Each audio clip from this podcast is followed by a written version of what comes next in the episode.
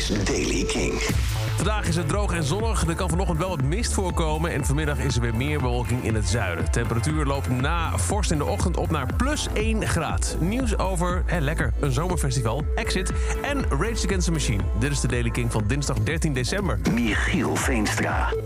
Het Exit Festival is ook volgend jaar weer. 6, 7, 8 en 9 juli in het uh, Petro in Novi Sad in Servië.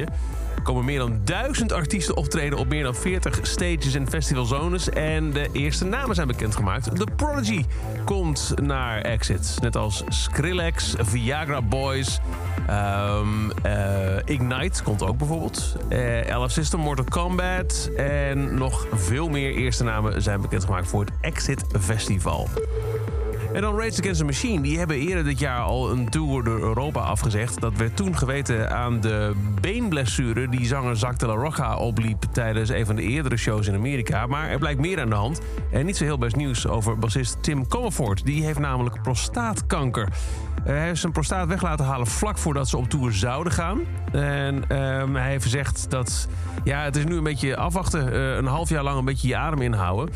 Het is niet een, een, een, een, een heel goede, uh, een, een, een, heel goede vorm die ik te pakken heb. En daar ben ik niet echt heel blij mee. Um, ik probeer zoveel mogelijk de touwtjes zelf in handen te nemen. Maar ik, um, ik, ik zet mijn schap. Ik hoop wel dat het een lange reis wordt. Al dus... Tim Commerford van Rage Against the Machine. En dat is over deze editie van The Daily Kink, inclusief een klein hoesje. Graag gedaan.